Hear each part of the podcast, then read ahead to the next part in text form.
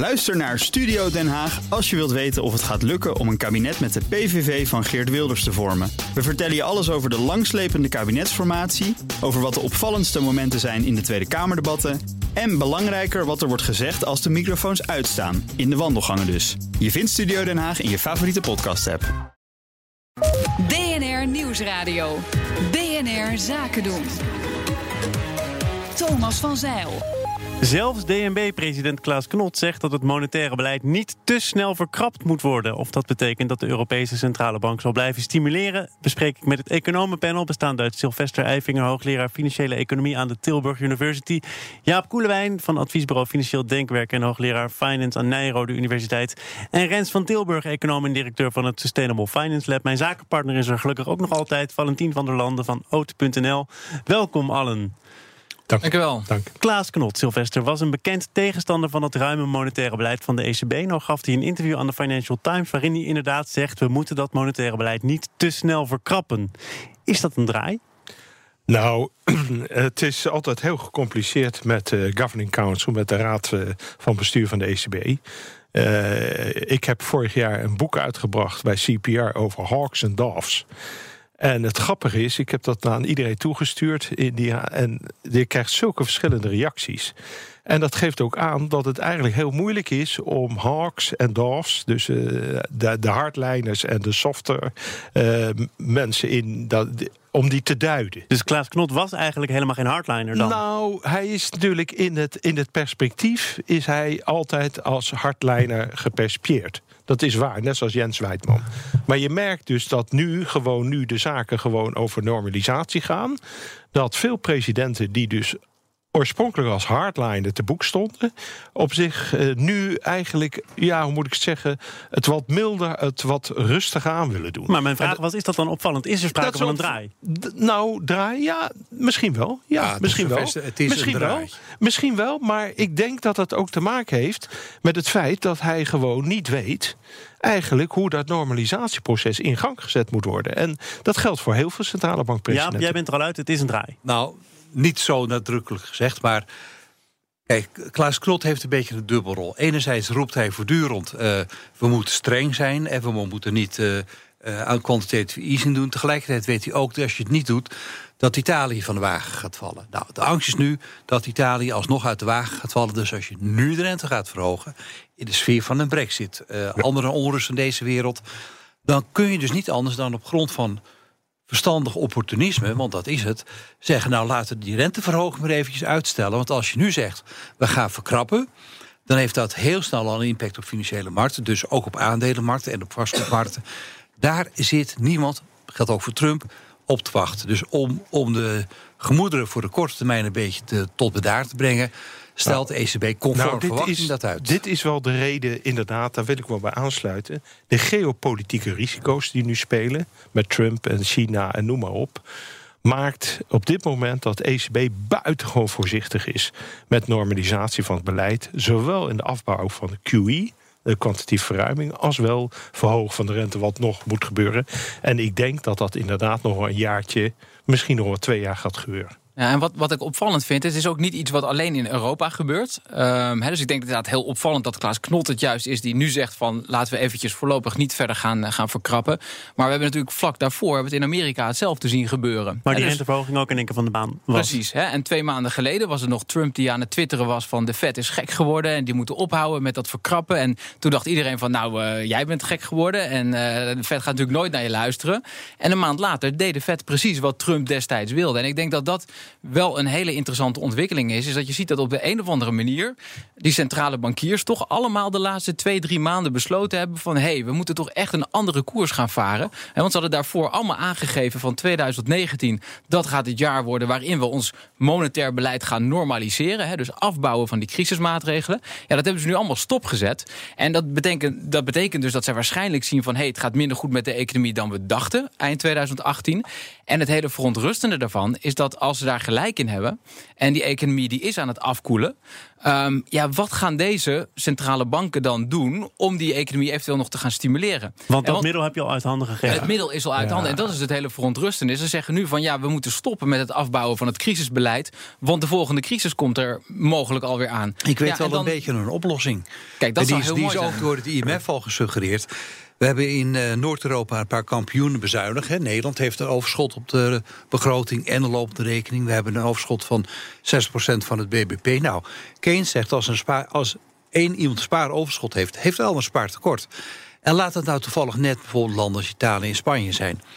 Probleem is dat die het vertikken om hun economie te herstructureren. Gaat hier de transferunie in andere woorden nu een plek krijgen in deze Ik- discussie? Ik, ik, ik schrijf zelf al twee jaar lang dat uiteindelijk, en ook mensen als Wim Boonsa zeggen dat natuurlijk, een euro kan alleen maar bestaan als je interne mechanismen hebt om overschot en tekorten met elkaar te verrekenen. Dat vinden ze in Duitsland niet leuk, dat vinden wij in Nederland nee, we hebben leuk. toch ook Wopke Hoekstra en de Zeven Dwergen? Of ik weet niet hoeveel er inmiddels zijn? Maar meneer Wopke Hoekstra maakt een heleboel kabaal, maar hij is wel de enige. Nee, die- hij heeft dat dwergen om zich heen verzameld. Die Ja, ook vinden. en die maken geen enkele Maar het indruk. probleem, het probleem, Thomas, is het volgende. Het is precies wat Jaap zegt. We hebben natuurlijk een monetaire en economische unie, maar we hebben geen fiscale unie. Omdat we geen fiscale unie hebben we dat overgelaten aan de ECB. We hebben dus gezegd van nou ja, ECB los het maar op met Griekenland, los het maar op met Italië, los het maar op met Frankrijk wellicht. Als daar geen hervorming komen, dan zal er toch iets moeten gebeuren. Dus wat er gebeurt is, is dat de ECB eigenlijk met monetaire instrumenten fiscaal beleid heeft gevoerd. Budgetair beleid. Dat is gewoon het essentiële probleem. En dat kan niet. En dat kan niet. En daar zitten we nu mee. En hoe moeten we dat afbouwen? Hoe moeten we op een zeker moment normaliseren? In een tijd dat we natuurlijk toch naar een recessie wellicht gaan. Maar daar heeft Jaap dus nu een suggestie voor aangedragen. Ja, zeker. Niet geheel zeker, nieuw, dat is- dat is- dat is- Maar, nee, dat is je een goede claimde het wel een beetje als je eigen oplossing. Ik Nee, graag het is, het is een goede suggestie, maar de vraag is: gaat die Enige ook. bescheidenheid zie je het bij. Nee, maar het, de vraag is: gaat het ook gebeuren? Nou, en, en wat, Hè? want- En want- dat, want- dat wordt heel lastig. Want je ziet dus gewoon dat de overschotlanden die zeggen. Ja, maar wij willen wel stimuleren, maar dan zult u tekortlanden moeten hervormen. Ja. Tekortlanden zeggen, ja, wij willen wel hervormen, maar dan zult u als overschotlanden moeten. Zo komen we nergens. Ja, en dat is het ik- Heb probleem. jij, heb jij hier dan weer een oplossing voor? Nee, ja, want ik ben het natuurlijk van harte eens met deze heren. Maar er zijn de economen eh, eigenlijk over dit onderwerp ook al heel lang. Alleen inderdaad, politiek gezien is het niet gebeurd. De sfeer is er tussen de Noord- en Zuid-Europese landen de afgelopen jaren ook niet beter op geworden. Dus de verwachting dat het de komende keer wel zal gaan gebeuren, ja, die is denk ik miniem. En met andere woorden, ik verwacht dat als het misgaat in de eurozone, dat het toch weer iedereen naar de ECB zal kijken. En dat eh, de opvolger van Draghi weer zal moeten, die magische woorden moet spreken. Whatever it takes to save the euro. Maar wat gaat hij dan doen? Dat is de grote vraag. En ik, ik denk dus dat ehm, een herhaling van het, op, opkopen van nog meer eh, overheidsobligaties, dat dat inderdaad ook niet de oplossing zal, eh, zal zijn. Dus waar ik eigenlijk naar uitkijk, is een, een plan wat op zich vijf jaar geleden ook al wel her en der, onder andere ook hier in Nederland door het Sustainable Finance Lab was gelanceerd. Eh, die die- ja, ja, zeker. Dat zijn al die grote denkers daar om mij heen hè, die daarmee kwamen, niet ik. Eh zal ik meteen bekennen. Hè. Nee, maar dat, dat was het idee van laten we dan niet ehm, bestaande schuld opkopen, ehm, maar laten we dat geld via de Europese investeringsbank ehm, eh, rechtstreeks in de Europese economie brengen. Dus dan gaat het echt, dus dat is meer Keynesiaans gedacht. Dus dat geld moet niet die financiële markt in, maar dat moet gewoon de reële economie in. Want daar wil je dat er werkgelegenheid is, daar wil je dat die inflatie omhoog gaat. En dan kan je waarschijnlijk met veel minder nieuwe euro's eh, een veel meer eh, een groter effect op die inflatie gaan Maar bereiken. En uit- ondertussen kun je dan met dat geld allerlei mooie dingen doen rond het verduurzamen van de infrastructuur van maar Europa. uiteindelijk zal het de uitruil moeten zijn, en dat is de kern van de zaak. Eens? Een uitruil tussen de overschot- en tekortlanden. Maar en zal als de overschotlanden bereid zijn om op een zeker moment te stimuleren of te investeren in ruil voor structurele hervormingen, lees Italië, maar ook Frankrijk, zie hoe moeilijk Macron Ja. het heeft. Ja. Spanje daarentegen heeft wel hard hervormd. Dat zie je ook. Dat Spanje dus veel beter doet eigenlijk nu eh, dan Italië. Dus met andere woorden, het werkt wel. Alleen hoe krijg je die uitrouw? En dat is een politieke uitrouw op het hoogste niveau. En daar spelen Duitsland en Frankrijk een cruciale rol. Ik wil het heel even kapot slaan naar iets individueels. Wij kregen laatst in één week tijd verschillende mailtjes van luisteraars. En die horen dit allemaal aan. En die horen ook dat de rente voorlopig niet omhoog gaat. En die vroegen zich af wat zij persoonlijk kunnen doen Of dat het klopt dat ze er helemaal niks aan kunnen doen. Omdat centrale bankiers die niet gekozen zijn beslissingen nemen. Aan het feit dat zij hun pensioen in gevaar zien komen. Dat zij hun spaargeld niet zien renderen. Jaap, Ja, Kunnen nou, die mensen wat ik, doen? Ik ga eerst even een misverstand uit de weg ruimen. De lage rente die we nu hebben, komt maar voor een zeer beperkt deel door het opkoopbeleid van de ECB. Dat komt door lage economische groei, lage productiviteitsgroei, slechte demografische ontwikkelingen en te weinig flexibiliteit in de economie. Het effect van quantitative easing op dat verhaal is hoogstens een half tot 1 procentpunt. We hebben nu een rente van bijna nul. We zijn vanaf 4, 5 procent gekomen rond 2000. Het overgrote deel komt omdat we langzaam groeien. Omdat er heel veel bedrijven zijn die zonder dat ze kapitaal nodig hebben kunnen investeren. Kijk naar Facebook. Andere woorden, ECB is maar voor een deel verantwoordelijk. Als het gaat om wat je eraan kunt doen, nou in elk geval ga niet in allerlei rare producten beleggen die een hoog rendement beloven, want dat is echt eh, desastreus op termijn. Dus mijd al die obligaties die je niet helemaal kunt begrijpen. Beleg in land, wijn, auto's. Alsjeblieft, bitcoins, doe het niet. Accepteer het. Accepteer, ja, maar ik zie het zat mensen het wel doen. Hè? Ja, nee, je hebt gelijk. Maar, klopt het inderdaad dat er te makkelijk gewezen wordt naar de ECB, naar centrale bankiers, en dat dat maar voor een zeer beperkt deel de verklaring is voor het feit wat, dat wat, die wat, wat, wat mensen die klagen over hun pensioenvermogen daar ook altijd bij vergeten, is dat op het moment dat deze eh, stimulering vanuit centrale banken er niet zou zijn geweest, dat dan de aandelenkoersen waarschijnlijk ook weer een heel stuk lager zouden zijn geweest. Hè. Dus aan de ene kant, ze- ja, ze hebben last van de lage rente. Aan de andere kant, eh, de hoge beurskoersen, die hebben er ook weer wat mee te maken dat de centrale banken Ja, doen wat ze doen. verslaving, de verslaving natuurlijk aan lage rente is heel groot. Dat betekent dus inderdaad dat eh, men, eh, of het nou in Wall Street is of de Europese beurzen, men is verslaafd geraakt aan lage rentes. En dat is heel gemakkelijk, maar er komt een moment dat men moet ontnuchteren. Men is, heeft te veel hè, van de punchbowl gedronken en men moet ontnuchteren. En dat ontnuchteringsmoment, dat moet komen. En hoe langer je er wacht, mee wacht, met zeg maar dus de afbouw. Maar we hebben het over normalisatie, hè? Ja, we hebben het ja, ja, over ja, maar niks dat is moeilijk. Dat is moeilijk, want dat hebben we natuurlijk in zulke, in zulke vorm nog nooit meegemaakt in Europa. De, de schuld Dus- is nog nooit zo hoog geweest ten Nou, opzichte van de precies, economie. Dus dit is Dus- vrij uitzonderlijk, Thomas. En het betekent dus gewoon dat men als centrale bankier het op dit moment ook niet meer weet van hoe gaan wij nou normaliseren, zowel in al die ja, zeg maar, eh, securities die we op de balans hebben, als wel daarna in de renteverhogingen. Maar en het men is dus heel is- bang voor de schokken. Het grote, probleem is, de fiscale autoriteiten hebben het verhaal laten liggen. Die hadden moeten ingrijpen door stimuleren en, en herstructureren. En hebben het cadeau gegeven, het opdracht gegeven aan de centrale banken... die ermee in hun maag zitten. Zwaar. Eensgezindheid, dus tijd voor de reclame. Daarna praten we over de spaartax. Want de aanpassing daarvan gaat, als die al komt, nog even duren. BNR Nieuwsradio. BNR Zaken doen. Het economenpanel ging nog even door over Klaas Knot. Maar we gaan het echt over andere dingen hebben. Eh, dat doen we met Jaap Koelewijn, adviesbureau Financieel Denkwerk. Daar is hij van. En hoogleraar Finance aan de Nijrode Universiteit. Rens van Tilburg, econoom en directeur van het Sustainable Finance Lab. En Sylvester Eifinger, hoogleraar Financiële Economie aan de Tilburg University. Mijn zakenpartner is Valentin van der Landen van ontbijtgraandenmerk Oat.nl. En we gaan praten over de tax, waar eh, staatssecretaris Snel van heeft gezegd dat hij al langer nodig heeft om hem aan te passen. Het gaat om de vermogensbelasting op basis van het reële rendement. Daar wordt al jaren om gevraagd en zelfs over geprocedeerd, omdat de huidige spaartax oneerlijk zou zijn. Het gaat namelijk uit van een fictief rendement. Rens, dat deze staatssecretaris nu zegt: ja, we hebben toch nog even tijd nodig, want we kunnen het niet realiseren. Is dat een eh, valide argument? Ehm, nou, ik vind het moeilijk om te overzien. Ehm, kijk, ik denk wel dat er echt urgentie is om eh, weg te gaan komen bij de manier waarop we op dit moment eh, vermogen belasten. Ehm, want inderdaad, juist de mensen die eh, ja, weinig risico kunnen nemen met hun spaargeld, die daar dus ook een laag rendement op halen, die betalen nu relatief veel belasting. En dat is, dat is hè, dus daar, dat daar heel veel maatschappelijke weerstand tegen bestaat, dat is denk ik heel terecht. Ehm, ja, het argument van de staatssecretaris is van ja, het, het geeft te veel eh, administratieve lasten als we het nu gaan doen. Hij gooit het eigenlijk een beetje op dat het voor de mensen het allemaal heel erg ingewikkeld gaat worden. Dat is overigens vooral voor mensen die dus eh, eh, tweede, derde huizen hebben en die eh, verhuren. Die besteden misschien wel uit. Het zijn wel luxe problemen, hoor. Dat zijn, Ja. En dat zijn Ja. wel luxe problemen. Dus ik denk, hij, hij, hij, hij, het echte probleem in de samenleving ligt aan de onderkant. En hij zegt, we kunnen het niet oplossen Omdat hij dan een probleem voor mensen die aan de bovenkant zitten eigenlijk creëert. En ik denk is dat toch- dat wel een ingewikkeld Het is. is toch heel Ja, plat. maar het is- Eh, het is- ik was aan het woord. Sylvester. sorry, sorry. Het is heel plat, eh, hoor. Rens, maar het kost de staatssecretaris gewoon geld. Ja, zo Als is jij het. nu eh, spaargeld belast, al zou je 4% maken en je maakt 0%, als je bij Triodos Bank zit, dan kost het hebben spaargeld je dus geld, plus de inflatie. Dat ervaren mensen als diefstal. En dat is een hele terecht uitgangspunt.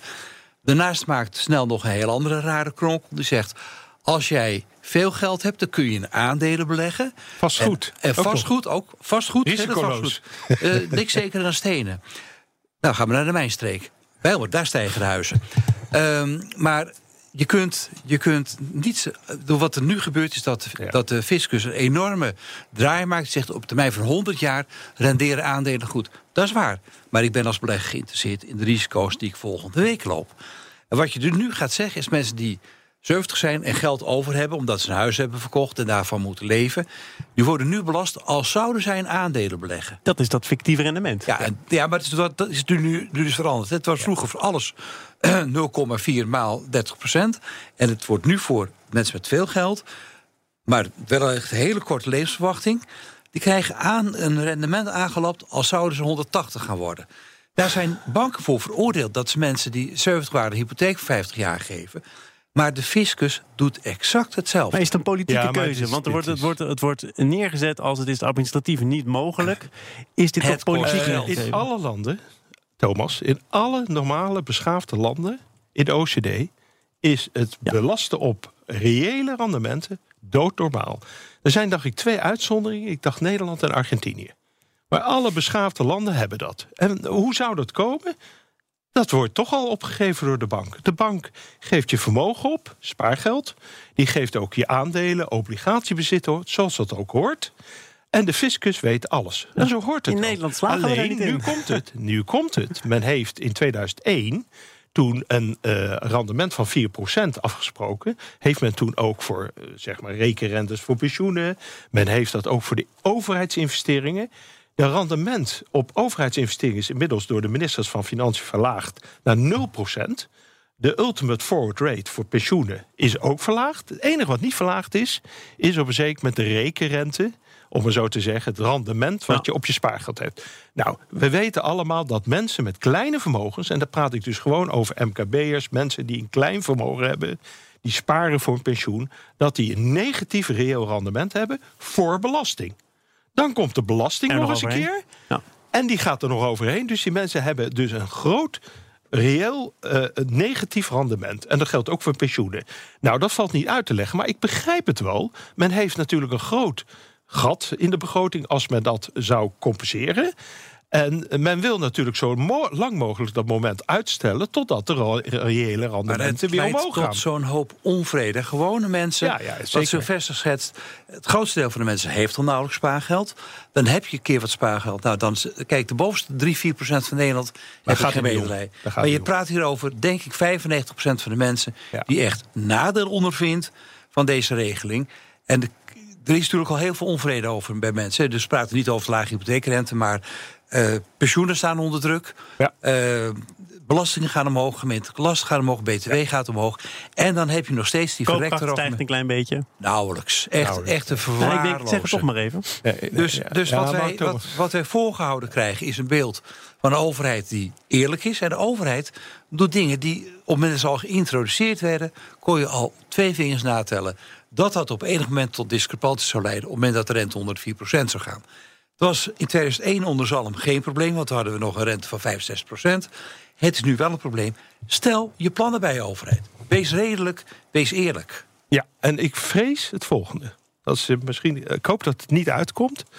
Maar ik vrees het volgende: dat de staatssecretaris, niet alleen deze, maar ook de voorgaande, Wiebes, alles doen om dit moment van aanpassing naar reële rendementen zo lang mogelijk uit te stellen. Totdat de reële rendementen omhoog gaan. Dan zeggen ze: hé, hey, Ja. kijk, we kunnen het nou toch. Dan komt het goed uit. Dus eerst heb je dus heel fors betaald op fictieve rendementen die veel te hoog waren. En op het moment dat die fictieve rendementen dan niet meer relevant zijn, dan ga je naar reële rendementen en dan word je eigenlijk twee keer gepakt. En dat is natuurlijk, ja, vanuit een. Een overheid moet ook betrouwbaar zijn. Een overheid moet ook eerlijk zijn. Een overheid moet integer zijn. En je kunt niet op een zeker moment uh, de disconteringsvoet voor de, de pensioen, de ultimate forward rate, verlagen. Je kunt niet de disconteringsvoet voor overheidsinvesteringen naar nul terugbrengen.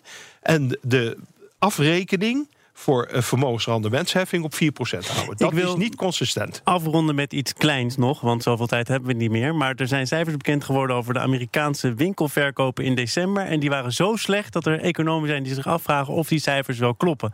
Het gaat namelijk om een daling van 1,2% ten opzichte van het jaar daarvoor. Uh, de grootste daling sinds 2009. Online was het uh, nog wat minder, 3,9%. Rent, klopt er iets niet aan die cijfers? Of uh, is dit een harde reality check? Nee, ik denk dat het een harde reality check is. ik dacht namelijk dat je over een ander cijfer zou gaan beginnen. Dat is de, wat ook vorige week uitkwam, was dat er uh, nu in Amerika meer mensen drie maanden lang hun uh, car loan, hè, de lening voor hun auto, niet, niet kunnen betalen. 7 miljoen Amerikanen. 7 miljoen, hè, dat zijn er meer dan zeg maar in 2008. Dus dat is een nieuw, nieuw record. Um, en, en dat is eigenlijk de, dat is de meest heilige lening voor Amerikanen. Dus als er, als er één lening is waar ze nog op willen afbetalen, dan is het die car loan. Want namelijk als je die drie maanden uh, niet betaalt, dan ben je, ben je je auto kwijt. Uh, dus nou ja, het punt is dat, uh, dat er in de Amerikaanse economie inderdaad wel iets raars bezig is. Want uh, je ziet, de groeicijfers zien er allemaal heel goed uit. ik maak, he, je maakt je wel altijd druk over van die enorme overheidstekort... wat ze, wat ze dus toch hebben in, in, in zo'n zo'n economische hoogtijd. Loopt op, loopt maar op. Maar ondertussen, ja, broeit, er, broeit er wel van dus, alles. Hè? Want, want, want ook, als zoveel mensen hun auto niet meer kunnen betalen... Ja, dan, dan is er echt een grote groep Amerikanen... die ondanks al die welvaart ja. het echt niet... dat heeft toch te maken met, ook in Amerika, aanhoudende druk op de lonen. Het zou me niet verbazen, zoals ook alle onzekerheid rondom de shutdown, de muur, handelsoorlog met China, dat mensen daar nerveus van worden. En, en uh, gaan, gaan bezuinigen, dat dat een preventieve slag is die mensen maken. Ik sluit het niet uit. En ik blijf het dus opmerkelijk vinden hoe goed de beurs blijft liggen in weerwil van de oorlog met de handelsoorlog met China, in weerwil van Italië en in weerwil van de Brexit. Ik snap en het Trump. niet meer. En Trump. Ja, dat is eigenlijk handelsoorlog Oh. Trump. Ja, ja, ja. Maar het is dus inderdaad opmerkelijk. De onderstroom van de Amerikaanse economie, eigenlijk van de Europese economie, is best goed. Waar komt de instabiliteit vandaan? Van de politiek. Ja. Politieke instabiliteit. De politiek zorgt voor problemen. Zowel in VS als in het VK als in Europa. Maar is dat niet altijd zo? Uh, Nou, het nou, zo sterk heb ik het nog nooit meegemaakt. Ja, nou, dat is een goede vraag. Er is natuurlijk afgelopen jaar heeft er een enorme opkomst van de populisme en polarisatie heeft zich kenbaar gemaakt. Amerika is een extreem gepolariseerde samenleving tussen democraten en uh, republikeinen die niet tot enige deal bereid zijn. En als je politici hebt die elkaar voortdurend over non-issues de tent uitvechten, dan denkt de burger: ja, en hoe gaat het met mijn inkomen? Hoe gaat het met mijn pensioen, mijn zorg? Daar willen de burgers uh, invloed op hebben. En de burgers hebben geen invloed op dingen. Want we kissen best liever over de parkeertarief hier in Amsterdam. dan dat we de problemen met Airbnb of toeristendrukte echt oplossen. Ik ga mijn invloed aanwenden door jullie Zeker. te bedanken. maar Want, ik eh, begrijp het echt allemaal niet meer. Dat wil ik nog even zeggen. Jaap Koelewijn begrijpt dit nu meer. Toch fijn dat je het afgelopen half uur te gast was. Rens van Tilburg en Sylvester Eivingen, ook dank voor jullie komst. En dat zeg ik natuurlijk ook tegen mijn zakenpartner Valentien van der Landen. Dank, kom nog een keer terug. Ja. Na je debuut. Uh, morgen is er uh, weer een uitzending van uh, BNR Zaken doen. Dan is te gast Maurice van Tilburg, de CEO van Euronext Amsterdam. Ook Bas van Werven vind je in de BNR-app. Ja, je kunt live naar mij en Iwan luisteren tijdens de ochtendspits. Je krijgt een melding van Breaking News. En niet alleen onze podcast Ochtendnieuws, maar alle BNR-podcasts vind je in de app. Download nu de gratis BNR-app en blijf scherp.